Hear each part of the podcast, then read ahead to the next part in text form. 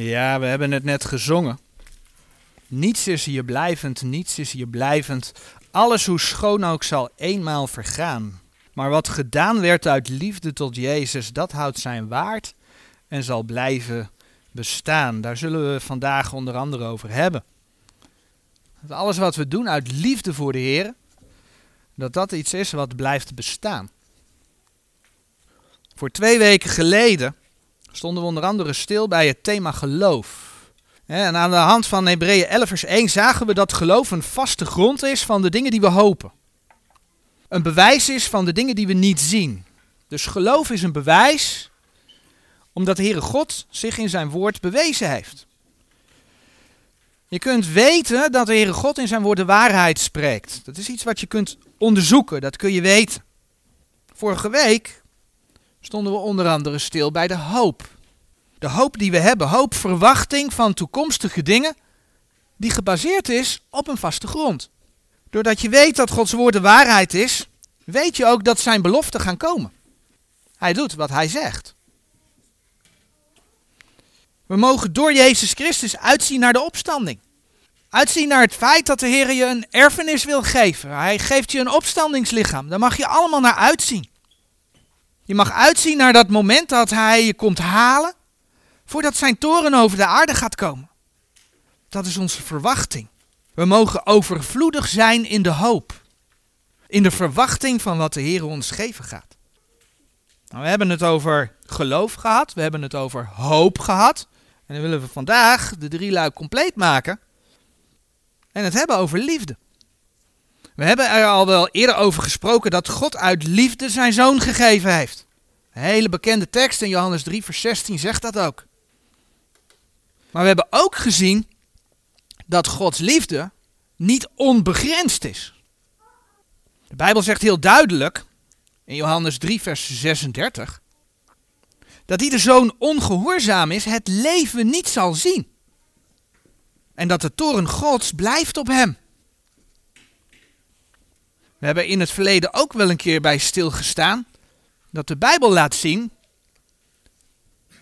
dat God ook haat. God heeft twee. Het is tweeledig. Als je het wil opzoeken, een van de teksten die erover gaat is Psalm 11, vers 5. In principe gaan we het over dat verschil niet opnieuw hebben. We gaan vanmorgen wel uit een Bijbelgedeelte lezen dat vaak te pas en te onpas gebruikt wordt om te bewijzen dat God liefde is. En dat daarmee vaak, ja, alles wat met de waarheid te maken heeft, ja, dat hoeft dan niet meer zo nauw genomen te worden, want God is toch liefde. He, want ach, je hebt geloof, hoop en liefde, deze drie, doch de meeste van deze is de liefde, niet waar? 1 Korinthe 13, vers 13. Nou, jullie raden het al. We gaan het hebben over 1 Korinthe 13. Dus laten we 1 Korinthe 13 lezen. 1 Korinthe 13. Alle 13 vers. 1 Korinthe 13. Al waren het dat ik de talen der mensen en der engelen sprak en de liefde niet had, zo ware ik een klinkend metaal of luidende schel geworden. En al ware het dat ik de gave der profetie had en wist al de verborgenheden en al de wetenschap, en al ware het dat ik al het geloof had, zodat ik bergen verzette en de liefde niet had, zo ware ik niets. En al ware het dat ik al mijn goederen tot onderhoud der armen uitdeelde, en al ware het dat ik mijn lichaam overgaf, opdat ik verbrand zou worden, en had de liefde niet, zo zou het mij geen nuttigheid geven. De liefde is langmoedig, zij is goedertieren. De liefde is niet afgunstig. De liefde handelt niet lichtvaardiglijk. Zij is niet opgeblazen. Zij handelt niet ongeschiktelijk. Zij zoekt zichzelf niet. Zij wordt niet verbitterd. Zij denkt geen kwaad. Zij verblijdt zich niet in de ongerechtigheid, maar zij verblijdt zich in de waarheid. Zij bedekt alle dingen. Zij gelooft alle dingen. Zij hoopt alle dingen. Zij verdraagt alle dingen. De liefde vergaat nimmer meer, maar het zij profetieën, zij zullen te niet gedaan worden. Het zij talen, zij zullen ophouden. Het zij kennis, zij zal te niet gedaan worden. Want wij kennen ten dele en wij profiteren ten dele. Doch wanneer het volmaakte zal gekomen zijn, dan zal hetgeen dat ten dele is, teniet gedaan worden. Toen ik een kind was, sprak ik als een kind. Was ik gezind als een kind, overlegde ik als een kind. Maar wanneer ik een man geworden ben, zo heb ik niet gedaan hetgeen eens kind was. Want wij zien nu door een spiegel in een duistere reden. Maar als dan zullen wij zien aangezicht tot aangezicht. Nu ken ik ten dele, maar als dan zal ik kennen, gelijk ook ik gekend ben. En nu blijft geloof, hoop en liefde. Deze drie. Doch de meeste van deze is de liefde. Nou, 1 Korinthe 13 is een hoofdstuk in de Bijbel dat vaak onder andere ook door de grote der aarde gebruikt wordt in de kerkdienst voor huwelijk, begrafenis. Je komt dat geregeld tegen dat dan 1 Korinthe 13 gelezen wordt. Maar ook vele anderen vinden dit een geweldig hoofdstuk in de Bijbel.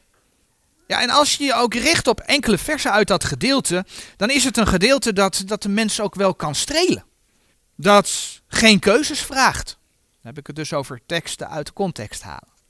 Ik bedoel, 1 Korinthe 13 vers 7 zegt toch, zij bedekt alle dingen. Zij gelooft alle dingen. Zij hoopt alle dingen. Zij verdraagt alle dingen. Nou, een nog verdraagzamere oproep kun je niet vinden.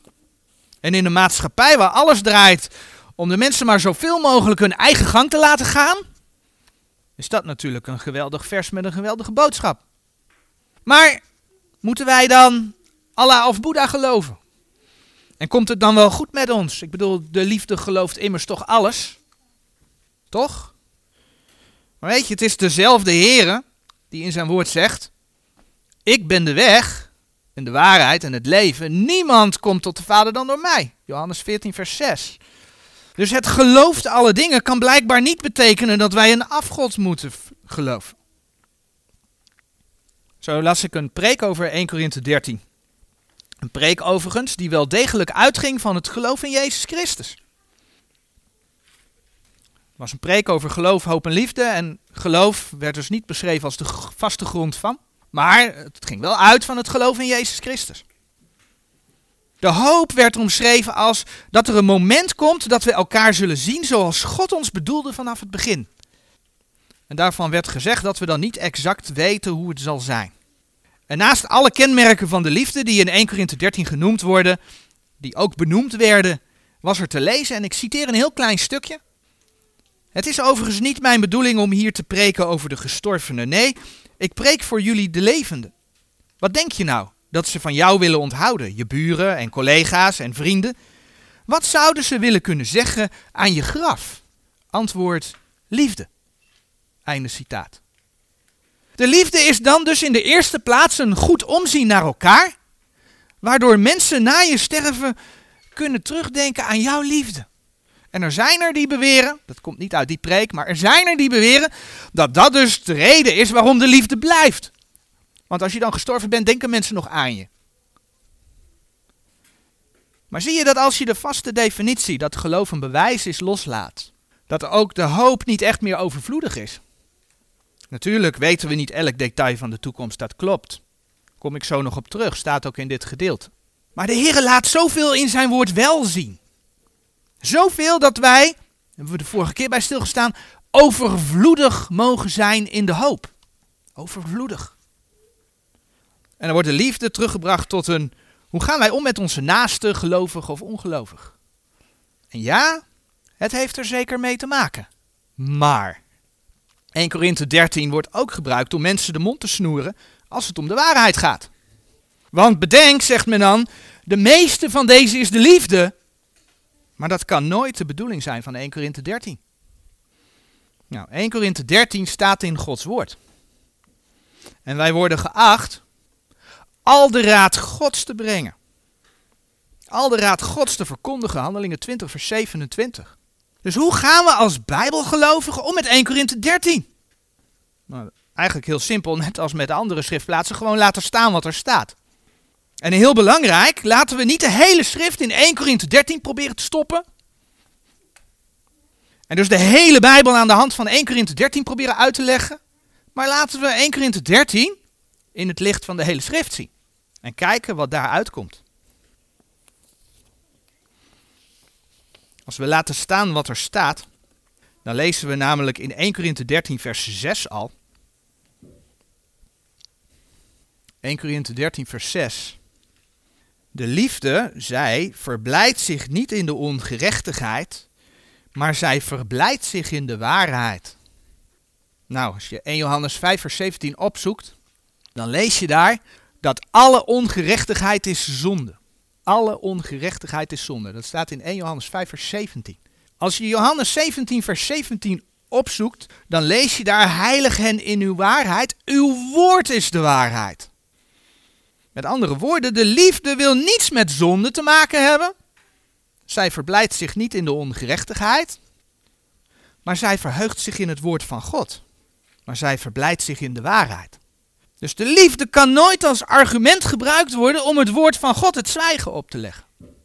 En als je dan in 1 Johannes 2 vers 5 kijkt, dan lees je daar ook nog het volgende. 1 Johannes 2 vers 5. 1 Johannes 2 vers 5. Maar zo wie zijn woord bewaart, indien is waarlijk de liefde Gods volmaakt geworden. Hieraan kennen wij dat wij in hem zijn. Ja, liefde draait gewoon om de waarheid. Zo werd tegen de eerste gemeente in openbaring 2 en 3. Onlangs hebben we kort bij die kerkgeschiedenis in openbaring 2 en 3 stilgestaan. Dat het profetisch de kerkgeschiedenis geeft door de geschiedenis heen. En dan lees je bij de eerste brief, Efeze, lees je iets over de eerste liefde. Al heel in het begin. Lees je dat, ja, zeg maar, het christendom de eerste liefde verlaten heeft. In Openbaring 2, vers 4 en 5 lezen we in de brief aan de gemeente Efeze het volgende. Maar ik heb tegen u dat gij uw eerste liefde hebt verlaten. Vers 5 van Openbaring 2.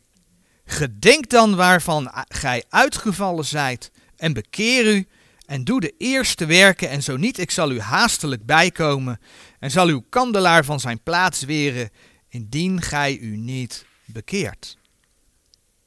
Al heel vroeg in de geschiedenis raakte het christendom de eerste liefde kwijt. Maar wat houdt dat in? Nou, als we kijken hoe de Heer Jezus de wet samenvat in Matthäus 22. Matthäus 22, vers 37 eh, tot en met 39. Dan krijgen we wel een idee. Matthäus 22, vers 37. En Jezus zeide tot hem, Gij zult lief hebben de Heer uw God met geheel uw hart en met geheel uw ziel en met geheel uw verstand. Dit is het eerste en het grote gebod. En het tweede aan dit gelijk is, gij zult uw naaste lief hebben als uzelf. Ja, maar dat is de wet. Geen nood. Paulus bevestigt het. In Romeinen 13 vers 8 tot en met 10. Romeinen 13 pakken we er ook bij. Romeinen 13 vers 8 tot en met 10.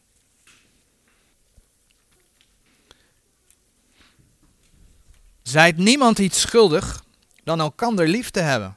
Want die de ander lief heeft, die heeft de wet vervuld. Want dit, gij zult geen overspel doen. Gij zult niet doden. Gij zult niet stelen. Gij zult geen valse getuigenis geven. Gij zult niet begeren.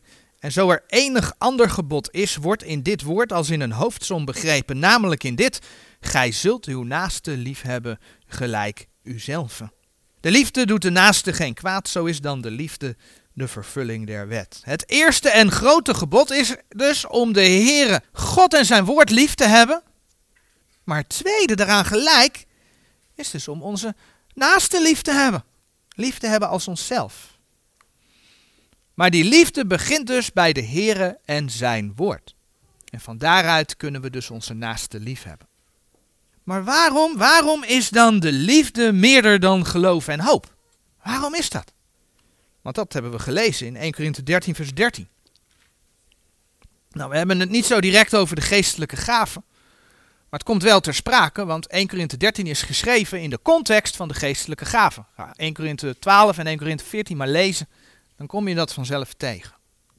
En het mooie is dat Paulus dan aangeeft in 1 Korinthe 12 vers 31 dat hij de liefde een weg noemt die nog uitnemender is. Dat lees je in 1 Korinthe 12, vers 31. Met andere woorden, ik had het net over geloof en hoop, want die worden in 1 Korinthe 13, vers 13 genoemd. Maar de liefde is dus ook meerder dan de gave. Waarom is dat? Nou, het antwoord is eigenlijk heel simpel. Als je in 1 Korinthe 13, vers 8 kijkt, dan zie je bijvoorbeeld staan, 1 Korinthe 13, vers 8, dan zie je bijvoorbeeld staan, het zij talen, zij zullen ophouden. Nou, het eerste uur hadden we het al even over de gaven van vreemde talen. De vreemde talen die, die door velen de tongentaal genoemd wordt. Weet je dat dat helemaal niet kan, tongentaal? Tongen zijn namelijk talen. Tongentaal is talentaal. Dat is gewoon onzin. Daarom spreekt de Statenbijbel spreekt ook over vreemde talen. En waarom spreekt de Statenbijbel over vreemde talen? Omdat het geen brabbeltaal was, maar zij konden gewoon de talen spreken van de vreemde volken die daar aanwezig waren. Mensen konden hun in hun eigen taal horen. Nou, de Heer laat in zijn woord zien dat die vreemde talen gegeven zijn, 1 Korinthe 14 vers 22, tot een teken voor de ongelovigen. Daarmee, omdat het een teken genoemd wordt, eh, behoren die vreemde talen, die gaven van de vreemde talen, ook tot een merktekenen. En dan lees je bijvoorbeeld in 2 Korinthe 12 vers 12 dat er heel nadrukkelijk ook over de merktekenen van de apostelen gesproken wordt. En iets wat, als ik het goed heb, in veel nieuwe vertalingen is weggewerkt, is dat de Bijbel in 1 Korinthe 4 vers 9 over de laatste apostelen spreekt. Er zijn gewoon laatste apostelen. Er zijn vandaag de dag geen apostelen. Met de gaven, met, met het verdwijnen van de apostelen, zijn ook die merktekenen van de apostelen zijn weggegaan. Is er niet meer. Kan de Heer het niet? Tuurlijk kan de Heer het. Maar zijn woord laat zien dat hij het zo ingeregeld heeft. Zo staat er van kennis, dus de talen zijn gegaan. De gaven houden op. Zo staat er van kennis en profetieën, ook in 1 Korinthe 13 vers 8, dat zij teniet gedaan zullen worden. Nou, dat betekent niet dat de Heer zijn woord intrekt. En dat die profetieën opeens niet meer komen. Nee, dat betekent het niet. Maar zowel kennis als profetieën zullen net als de vreemde talen zullen ophouden. Zij zullen weggaan. Wanneer de Heer Jezus naar de aarde is teruggekomen, dan is het niet meer nodig om te profiteren. Dan is het zelfs niet meer nodig om te leren. Hij zal zelf de leraar ter gerechtigheid zijn. En als je dan in Zacharia 13 de eerste drie versen kijkt, dan lees je daar dat als mensen in die tijd wel profiteren, dat ze gedood worden. Er wordt gewoon niet meer geprofiteerd. Want de Heer zelf is aanwezig. En weet je waarom er niet meer geleerd wordt? In ieder geval onder het volk van God niet.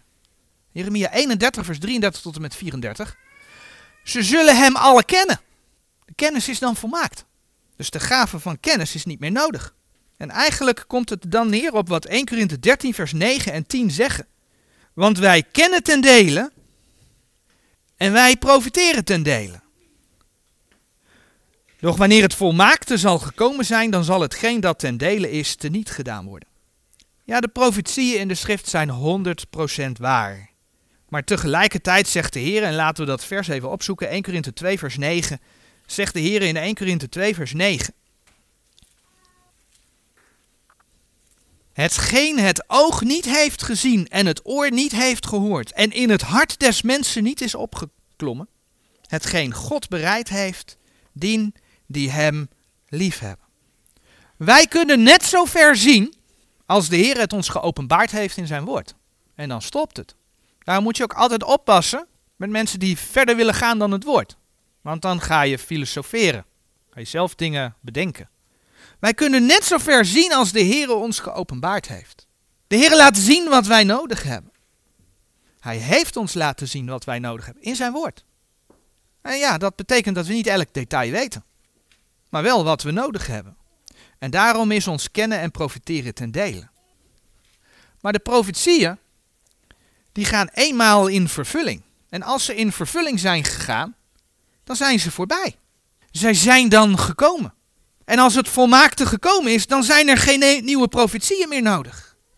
Want dan zien we hem van aangezicht tot aangezicht. We zullen hem zien. 1 Korinthe 13 vers 12 spreekt daar ook over. Want wij zien nu door een spiegel in een duistere reden. Maar als dan zullen wij zien aangezicht tot aangezicht. Nu ken ik ten dele, maar als dan zal ik kennen gelijk ook ik gekend ben. We zullen van aangezicht tot aangezicht zien. Dan is het volmaakte gekomen, kennis en profetieën zijn dan voorbij. Maar hetzelfde geldt voor geloof. Er komt een moment dat wij onze heiland zullen zien. Van aangezicht tot aangezicht. En wat was geloof? Geloof was een bewijs van de zaken die we niet zien. Wij worden nu behouden door geloof. Efeze 2 vers 8 en 9. Dat klopt. Dat is voor deze gemeentebedeling essentieel. Maar als wij zien, of de mensen die in het duizendjarige vrederijk op deze aarde leven en hem zien, dan is er geen sprake van geloof. Hetzelfde geldt voor hoop. Bijbelse hoop is verwachting met een vaste grond. Vanuit die verwachting mogen wij nu leven. Maar als die hoop, als die verwachting in vervulling is gegaan, dan is het volmaakte gekomen en hoeven wij niet meer te hopen. Dat hebben we vanmorgen ook in Romeinen 8, vers 24 en 25 gelezen. Daar lazen we dat hoop te maken had met dingen die we niet zien. Nou, er gaat een tijd komen dat we wel zien. Romeinen 8, vers 24. Want wij zijn in hopen zalig geworden. De hoop nu die gezien wordt, is geen hoop. Dus als je ziet, is er geen hoop. Want hetgeen iemand ziet, waarom zal hij het ook hopen? Wij leven nu in verwachting. Maar die verwachting gaat voorbij op het moment dat het vervuld is. En wat blijft, is Gods liefde. Dat is wat 1 Korinthe 13 vers 8 ook zegt. De liefde vergaat nimmer meer. De liefde zal niet teniet gedaan worden. Zij zal niet ophouden. Zij gaat niet voorbij. Want God is liefde. En Johannes 4 vers 16 zegt dat onder andere. En Johannes 4 vers 16 zegt dat. En daarom is de liefde meerder dan de gave. Daarom is de liefde meerder dan geloof. En daarom is de liefde meerder dan hoop. Het heeft dus niets te maken met het feit dat mensen elkaar na hun dood blijven gedenken. En het heeft ook niets te maken met de waarheid maar niet vertellen, omdat we de ander moeten liefhebben. De waarheid vertellen is juist volgens Gods woord liefde, omdat je mensen dan een keuze kunt laten maken. Ja, God moet mensen een keuze laten maken, maar we zijn wel gezanten van Christus. En laten we dan met deze bijbelse waarheden over liefde in ons achterhoofd kijken naar de eigenschappen die de Heer aan de liefde geeft. 1 Korinthe 13 vers 4, daar lezen we, de liefde is langmoedig, zij is goedertieren. De liefde is niet afgunstig. De liefde handelt niet lichtvaardiglijk, zij is niet opgeblazen. Een van de vruchten van de geest, gelaten 5 vers 22, is langmoedigheid. Langmoedigheid is geduld. De Heer laat zien dat hij geduld met mensen heeft. Kijk maar 2 Petrus 3 vers 9. De Heer vertraagt de belofte niet, gelijk enige dat traagheid achter, maar is langmoedig over ons. Hij is geduldig over ons, niet willende dat enige verloren gaan, maar dat zij alle tot bekering komen. Dus de Heer verdraagt nog steeds alle ongerechtigheid hier op aarde, omdat hij de mensen nog steeds die kans geeft om zich te bekeren. En dat geduld, die langmoedigheid, die geeft hij dus ook de gelovigen. Door de vrucht van de geest, gelaten 5 vers 22. Dus heb je geduld met je broeder of zuster. Zoals bijvoorbeeld Efeze 4 vers 2 zegt. Efeze 4 vers 2.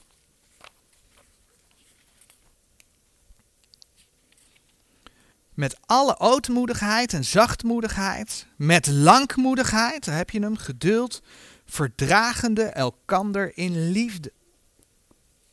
Maar dat betekent dus niet dat je niet de waarheid zou mogen zeggen. Als je in 2 Timotheus 4 vers 2 kijkt, dat gaat weliswaar over preken. Maar dan moet je kijken wat daarover gezegd wordt. 2 Timotheus 4 vers 2.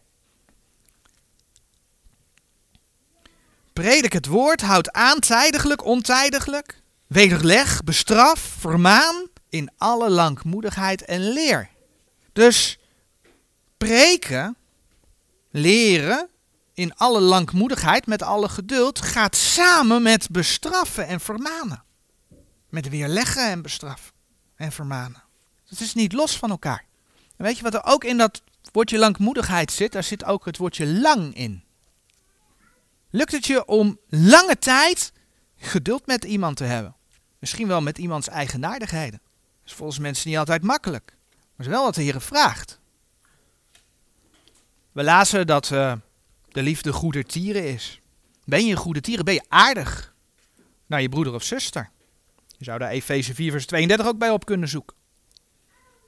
En bedenk dan dat de Heer zelfs van ons vraagt om onze vijanden lief te hebben. Lucas 6 vers 27. We lazen dat de liefde niet afgunstig is. Zij zoekt niet het kwade. Oftewel, als je de waarheid vertelt, zoek je niet het kwade. Maar dan komt hij. Dat blijkt ook uit dit stuk. We komen zo nog een aantal eigenschappen tegen. Vertel je een boodschap voor je eigen gewin. Om er zelf rijk van te worden. Om er zelf belangrijk van te worden. Ja, dan is het een andere zaak. Dan hebben we het dus niet meer over liefde. Dat is het kwade zoeken. Dat is ongerechtigheid. De liefde handelt niet lichtvaardiglijk en, lichtvaardiglijk en is niet opgeblazen. Het gaat dus niet om jezelf. Het gaat dus niet om, kijk mij eens, maar het gaat om die ander. Denk aan de fariseeën, die zichzelf heel wat, uh, ja, heel wat vonden. En die op de hoeken van de straten stonden, om gezien te worden. In Matthäus, eh, in de, evangelie lees je heel wat voorbeelden van. Matthäus 6, vers 5 is een voorbeeld. De Heer Jezus, Johannes 13, leerde juist om te dienen. Ja, hij waste de voeten van zijn discipelen. En hij zei dat de knecht niet meerder is dan zijn Heer. Johannes 14, 13, vers 14 tot en met 17. Nou, dat het om de ander gaat, dat blijkt ook uit 1 Korinthe 13, vers 5. 1 Korinthe 13, vers 5. Zij handelt niet ongeschiktelijk, zij zoekt zichzelf niet, zij wordt niet verbitterd, zij denkt geen kwaad. Ik denk dat het wel duidelijk is wat het betekent, de liefde zoekt zichzelf niet. Het gaat niet om jezelf. Zij handelt niet ongeschikt, ongeschiktelijk. Je houdt rekening met die ander. Een, een Bijbels voorbeeld. Wij mogen als leden van het lichaam van Christus weten dat we in principe alles mogen eten. Maar op het moment dat je weet dat een broeder of zuster daar moeite mee heeft, en dat lees je dan in Romeinen 14, vers 14 en 15, dan zegt de Heer, dan houd je daar rekening mee. Je houdt dus rekening met de gevoelens van de anderen. Romeinen 14, vers 14 en 15. Ik weet en ben verzekerd in de Heer Jezus dat geen ding onrein is in zichzelf dan die acht iets onrein te zijn, die is het onrein. Maar indien uw broeder om der spijze wil bedroefd wordt, zo wandelt gij niet meer naar liefde.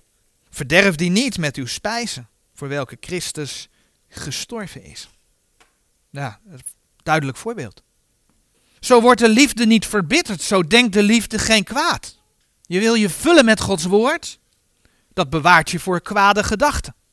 Voor kwade gedachten in jezelf, maar ook over anderen. Dus als je slecht over een broeder of zuster denkt, ja, dan heb je eigenlijk direct iets om te beleiden. Direct iets om vergeving te vragen.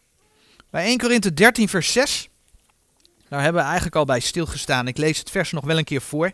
Zij verblijdt zich niet in de ongerechtigheid, maar zij verblijdt zich in de waarheid. We hebben gezien de, dat de liefde zich niet verblijdt in de zonde, maar in Gods woord. En dat geldt dus naar Gods woord toe, maar dat heeft ook zijn uitwerking dan weer naar, ja, om je heen. Wil je in de waarheid staan? En dan komt daar 1 Korinthe 13 vers 7 achteraan. Zij bedekt alle dingen, zij gelooft alle dingen, zij hoopt alle dingen, zij verdraagt alle dingen. Alle dingen. Is dat letterlijk alles? Dus ook Boeddha, hè, wat ik al als voorbeeld aanhaalde in het begin? Nee, natuurlijk niet. Want de Heer zegt daar duidelijke dingen over. Maar wat kunnen dan alle dingen zijn? Natuurlijk de dingen van Gods woord. Geloof je Gods woord? Geloof je alles? Geloof je God op zijn woord? De dingen waarvan de Heer zegt, daar is een vaste grond en een bewijs voor. Zij hoopt alle dingen. Alle beloften hebben we gezien in Gods woord hebben een vaste grond. Zijn woord is de waarheid. De liefde gelooft Gods belofte. Zij verdraagt alle dingen. Denk aan het lijden, denk aan lasten. Een voorbeeld, 2 Thessalonicense 1 vers 4.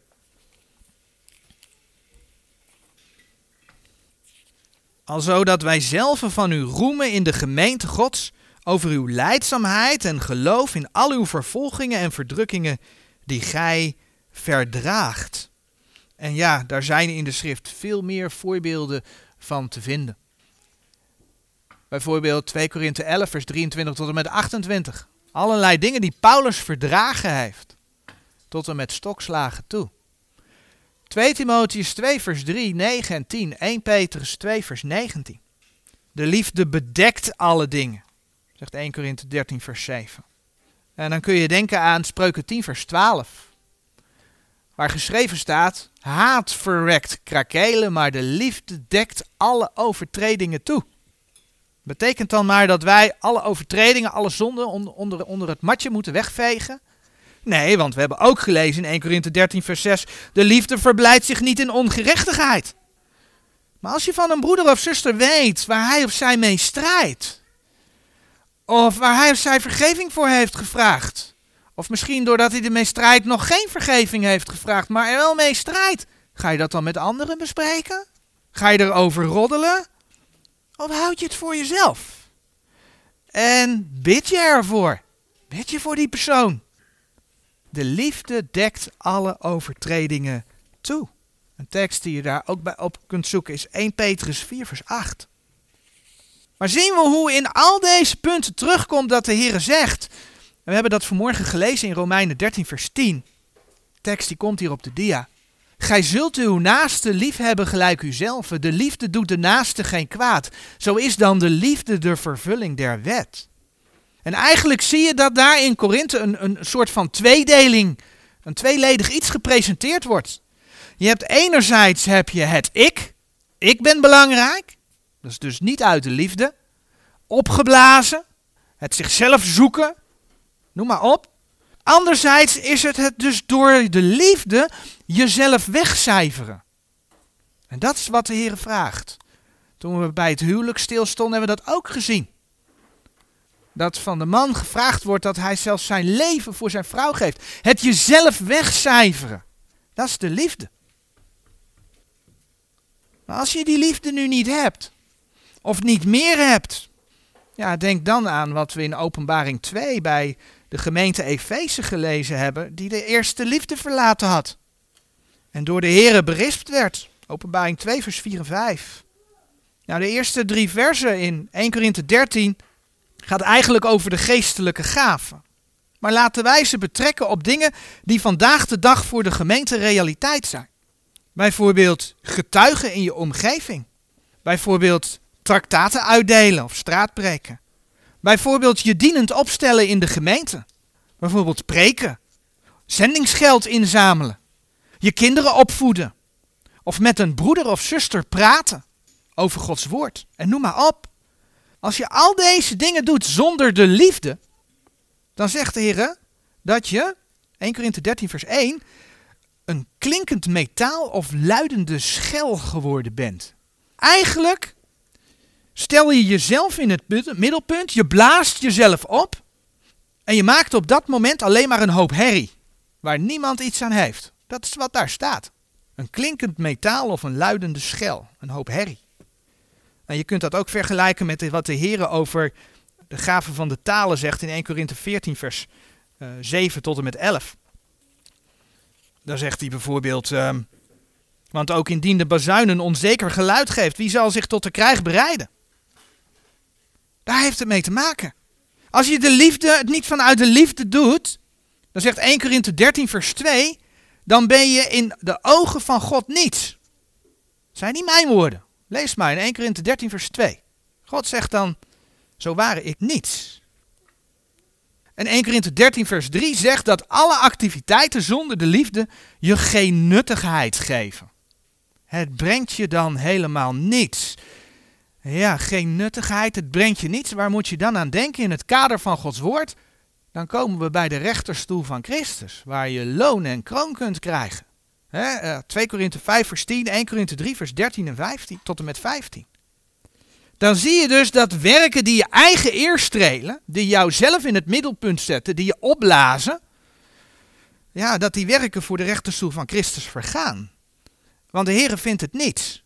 Het levert geen loon en kroon. 1 Korinthe 3 spreekt over je leidt dan schade in de eeuwigheid. Je bent behouden, je bent een kind van God, maar je leidt schade in de eeuwigheid. Maar dat wat gedaan wordt uit liefde tot God en zijn woord en uit liefde tot de medemens, dat zal je wel nuttigheid geven. En voor de rechterstoel van Christus zul je dan loon en kroon ontvangen. Zie je waarom de liefde de meeste is? Voorbeeld, als wij gaan straatpreken of traktaten verdelen, dan moeten we dat dus niet doen om zelf belangrijk gevonden te worden. Niet doen omdat een ander het doet of dat een ander dat we denken dat een ander het van ons vraagt. Maar dat moeten we doen uit liefde tot de Heere God, uit liefde tot de Heer Jezus, liefde tot zijn woord en uit liefde tot de medemens. Alleen dan ziet de Heer het aan. Anders kun je het wel doen, dan ben je alleen maar met vrije tijdsbesteding hier op aarde bezig. En niet voor de eeuwigheid. En dat geldt niet alleen voor traktaten verdelen. Dat geldt voor alles wat je doet. Dus werk vanuit de liefde tot God en zijn woord en van daaruit vanuit de liefde tot de medemens. En merk je dat je die liefde mist? Naar aanleiding van openbaring 2 vers 4 en 5. Bekeer je, beleid het de Heer en vraag de Heer om je te helpen zijn liefde te laten zien en om zijn liefde te kunnen geven. Amen.